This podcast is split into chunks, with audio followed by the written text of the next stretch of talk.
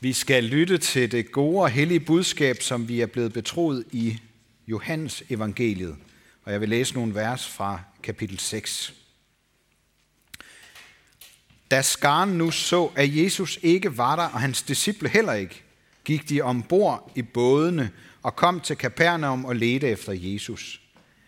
Og da de fandt ham på den anden side af søen, sagde de til ham, Rabbi, hvornår er du kommet hertil? Jesus svarede dem, Sandelig, sandelig siger jeg jer, I leder ikke efter mig, fordi I fik tegn at se, men fordi I fik brød at spise og blev mætte.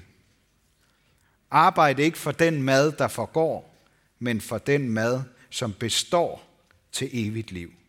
Den, som menneskesønnen vil give jer. For ham har faderen, Gud selv, sat sit sejl på. Så sagde de til ham, hvad skal vi gøre for, at vi kan gøre Guds gerninger? Jesus svarede dem, Guds gerning er den, at I tror på ham, han har udsendt. Da sagde de til ham, Hvilket tegn gør du, så vi kan se det og tro dig? Hvad kan du gøre?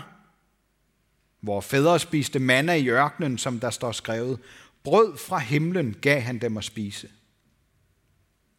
Jesus sagde så til dem, Sandelig, sandelig siger jeg jer, Moses gav jer ikke brødet fra himlen, men min far giver jer brødet fra himlen. Det sande brød. For Guds brød er det, der kommer ned fra himlen og giver liv til verden. De sagde til ham, Herre, giv os altid det brød. Jesus sagde til dem, Jeg er livets brød.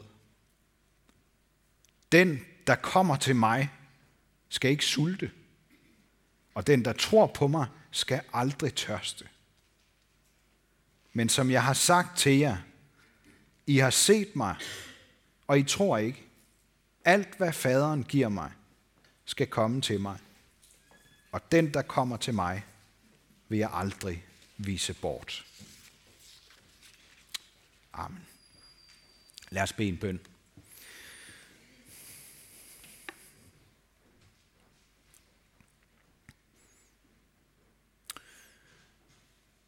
Jesus, tak for din tålmodighed med os mennesker. Og tak fordi du har givet dig selv til os. Amen. I dag er det midfaste.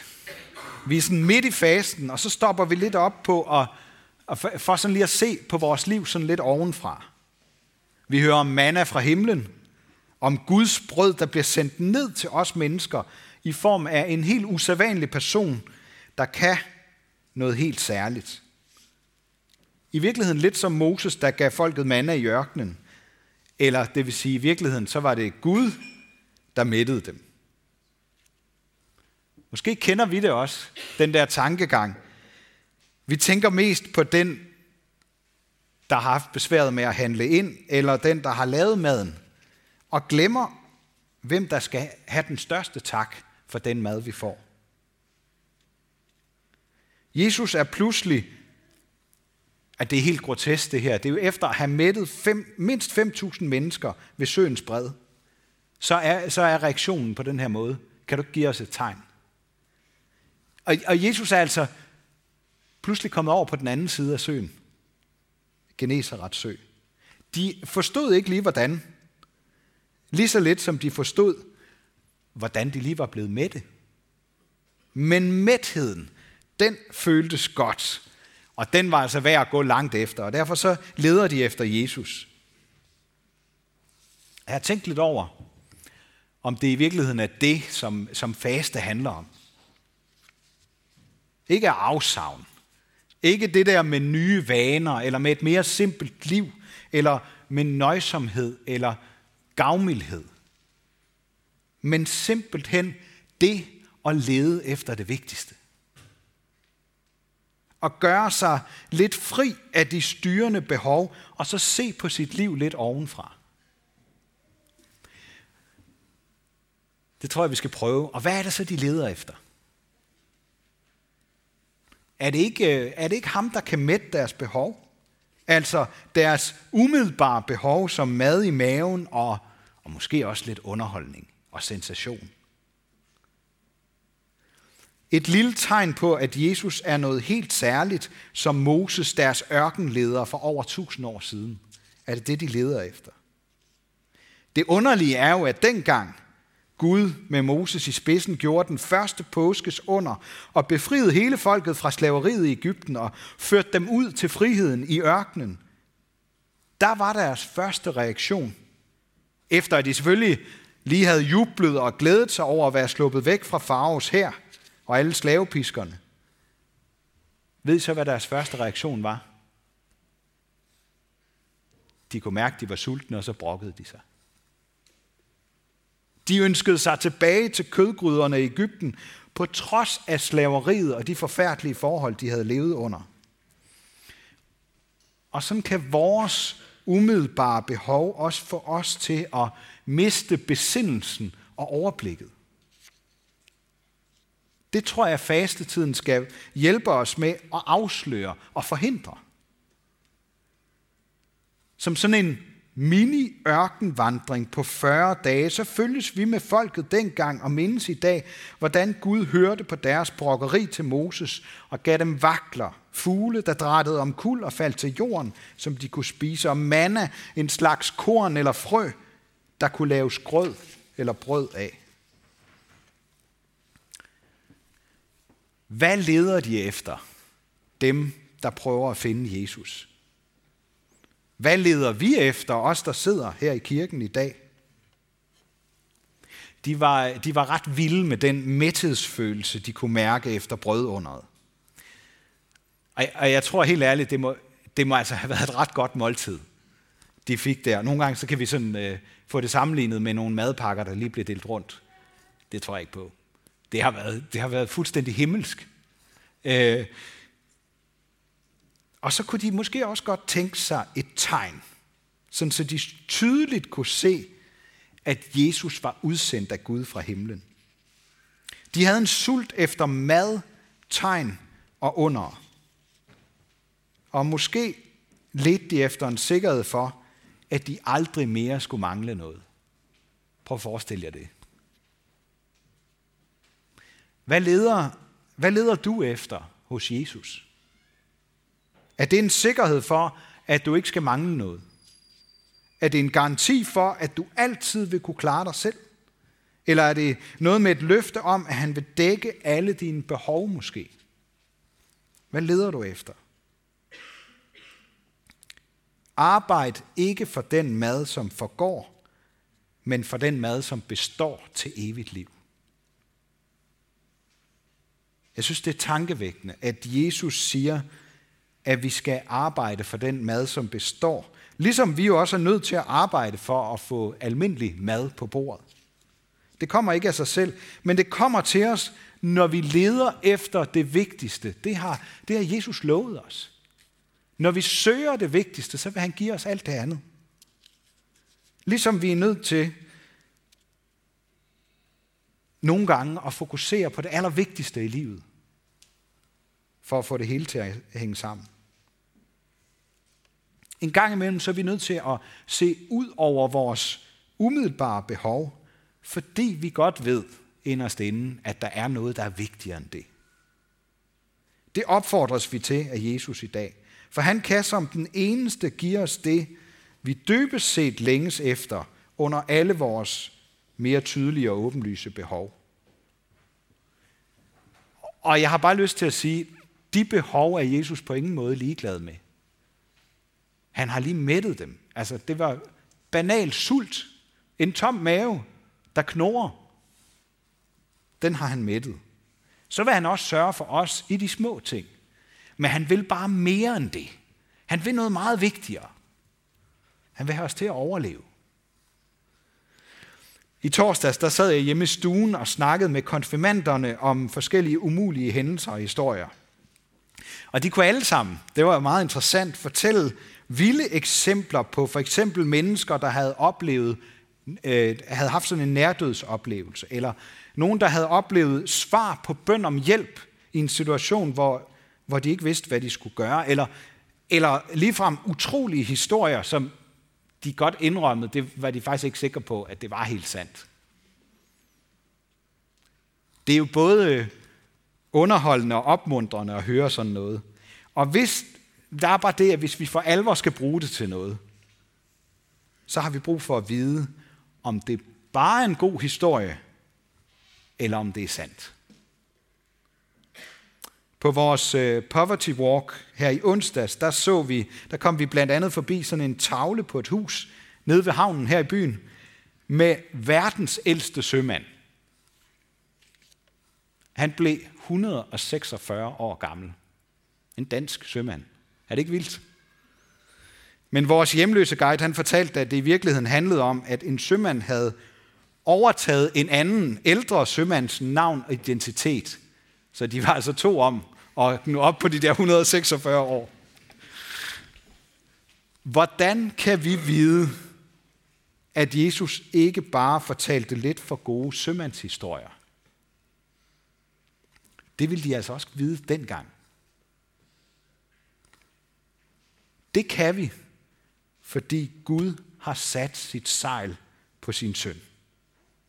Han er udsendt af kongernes konge med Guds kongesejl på. De, der spurgte efter et tegn, havde ikke bare set det. At Jesus lige havde gentaget mandeunderet fra ørkenvandring ved at mætte over 5.000 mennesker. Og som jeg fortalte konfirmanderne i torsdags, så går der et helt særligt mønster gennem hele Bibelen af umuligheder og tegn fra Gud. Og vi kan let få det sådan, når vi læser, at vi står lidt af og tænker, det er for meget. Det kan da ikke passe. Gamle og ikke fødedygtige kvinder, der ved et Guds under får et barn. Måske har I hørt om Sara og Hanna og Elisabeth. Der går sådan et mønster. Og det mest gådefulde og underfulde, det skal vi fejre og mindes på søndag med Marias jomfrufødsel. Det er da ikke underligt, at nogen kigger på det sådan lidt udefra og tænker, ej, nu bliver det, nu bliver det for langt ude.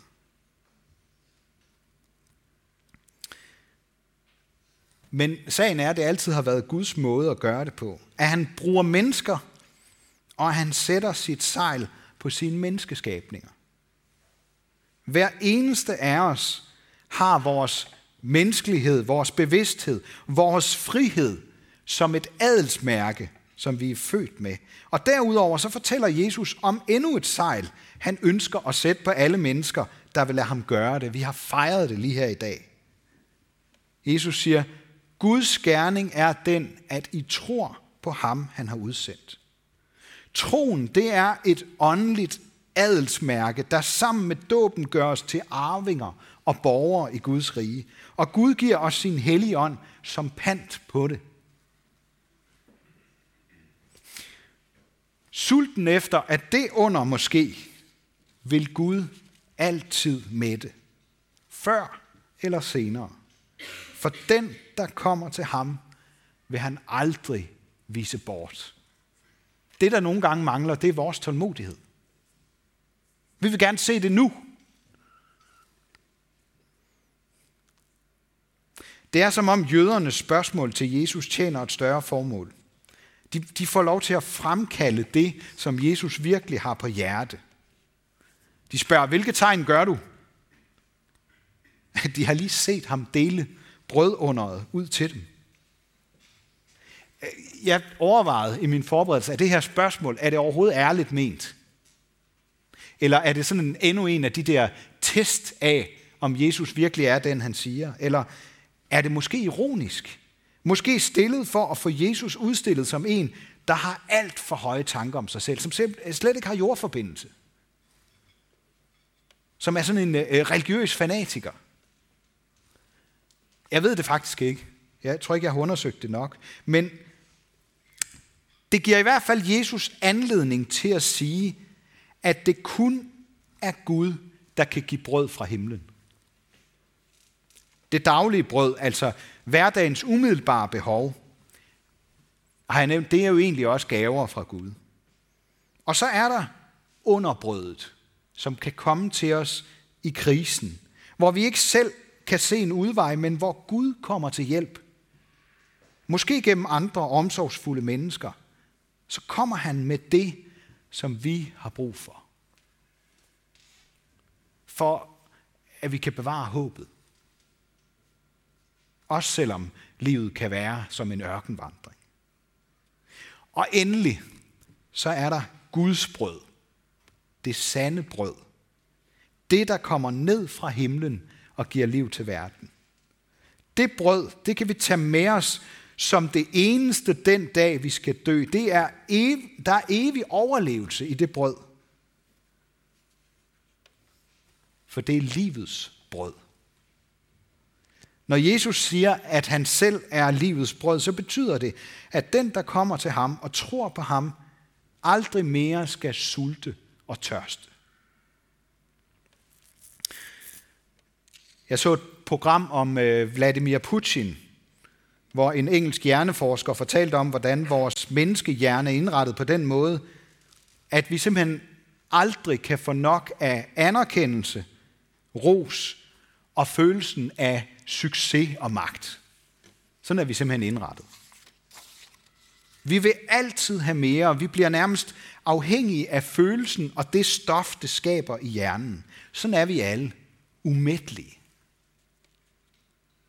Det, der er sket for Putin og andre enehersker, det er, at der skal mere og mere til at tilfredsstille og give den ros, som magten og anerkendelsen skaber. Det er ikke en sult efter underet, men en sult efter mere af det, der aldrig kan mætte os. Vi bliver som rovfugle, der bruger al deres tid og kræfter på at æde andre for at overleve. Jesus, han sammenligner os derimod med himlens små fugle, der ikke selv kan stille deres sult, men må flyve rundt og finde, hvad de kan få og hvad de kan samle op. Og en gang imellem, så lader Gud os opleve et under, hvor han sørger for os ved helt ekstraordinært at sende sin hjælp fra himlen som manna eller som vakler, der falder ned foran os for at mætte os. Men vi kan også opleve, at vi ikke kan få øje på Jesus. Hvor er han henne? Og vi prøver at finde ham, fordi han er fløjet over på den anden side af søen. Han er i nærheden, også selvom vi ikke kan se ham. Som en fuglemor, så kommer han tilbage til os i redden, fordi han har lovet at mætte os med sine gode gaver. Jeg tror, det er sådan, at det vigtigste, det vigtigste her i livet, det er altid noget, der kommer til os. Det er ikke det, vi selv jagter. Det vigtigste her i livet, det er det, der kommer til os. Det er det, der bliver foræret til os, som vi ikke selv har gjort os fortjent til. Det er vigtigere end det, vi selv jager efter. Vi skal ikke andet end at åbne vores mund og lade os mætte. Eller åbne vores indre og lade os trøste og oplære af hans løfter og ord.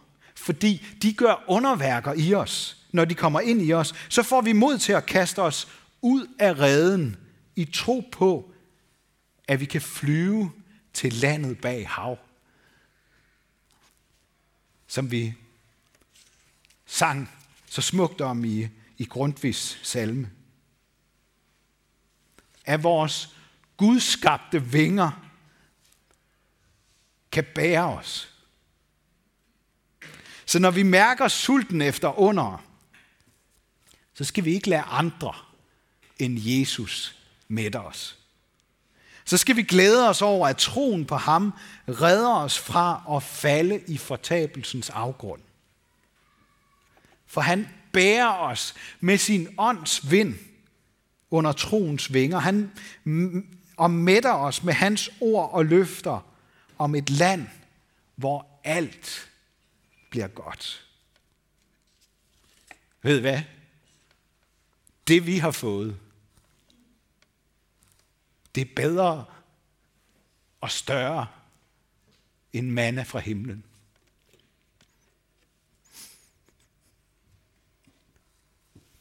Ære være Gud, vores far, der har skabt os i sit billede. Ære være Guds søn, der tog vores straf, så vi kan leve i frihed. Ære være Helligånden, ham der gør Guds kærlighed levende for os.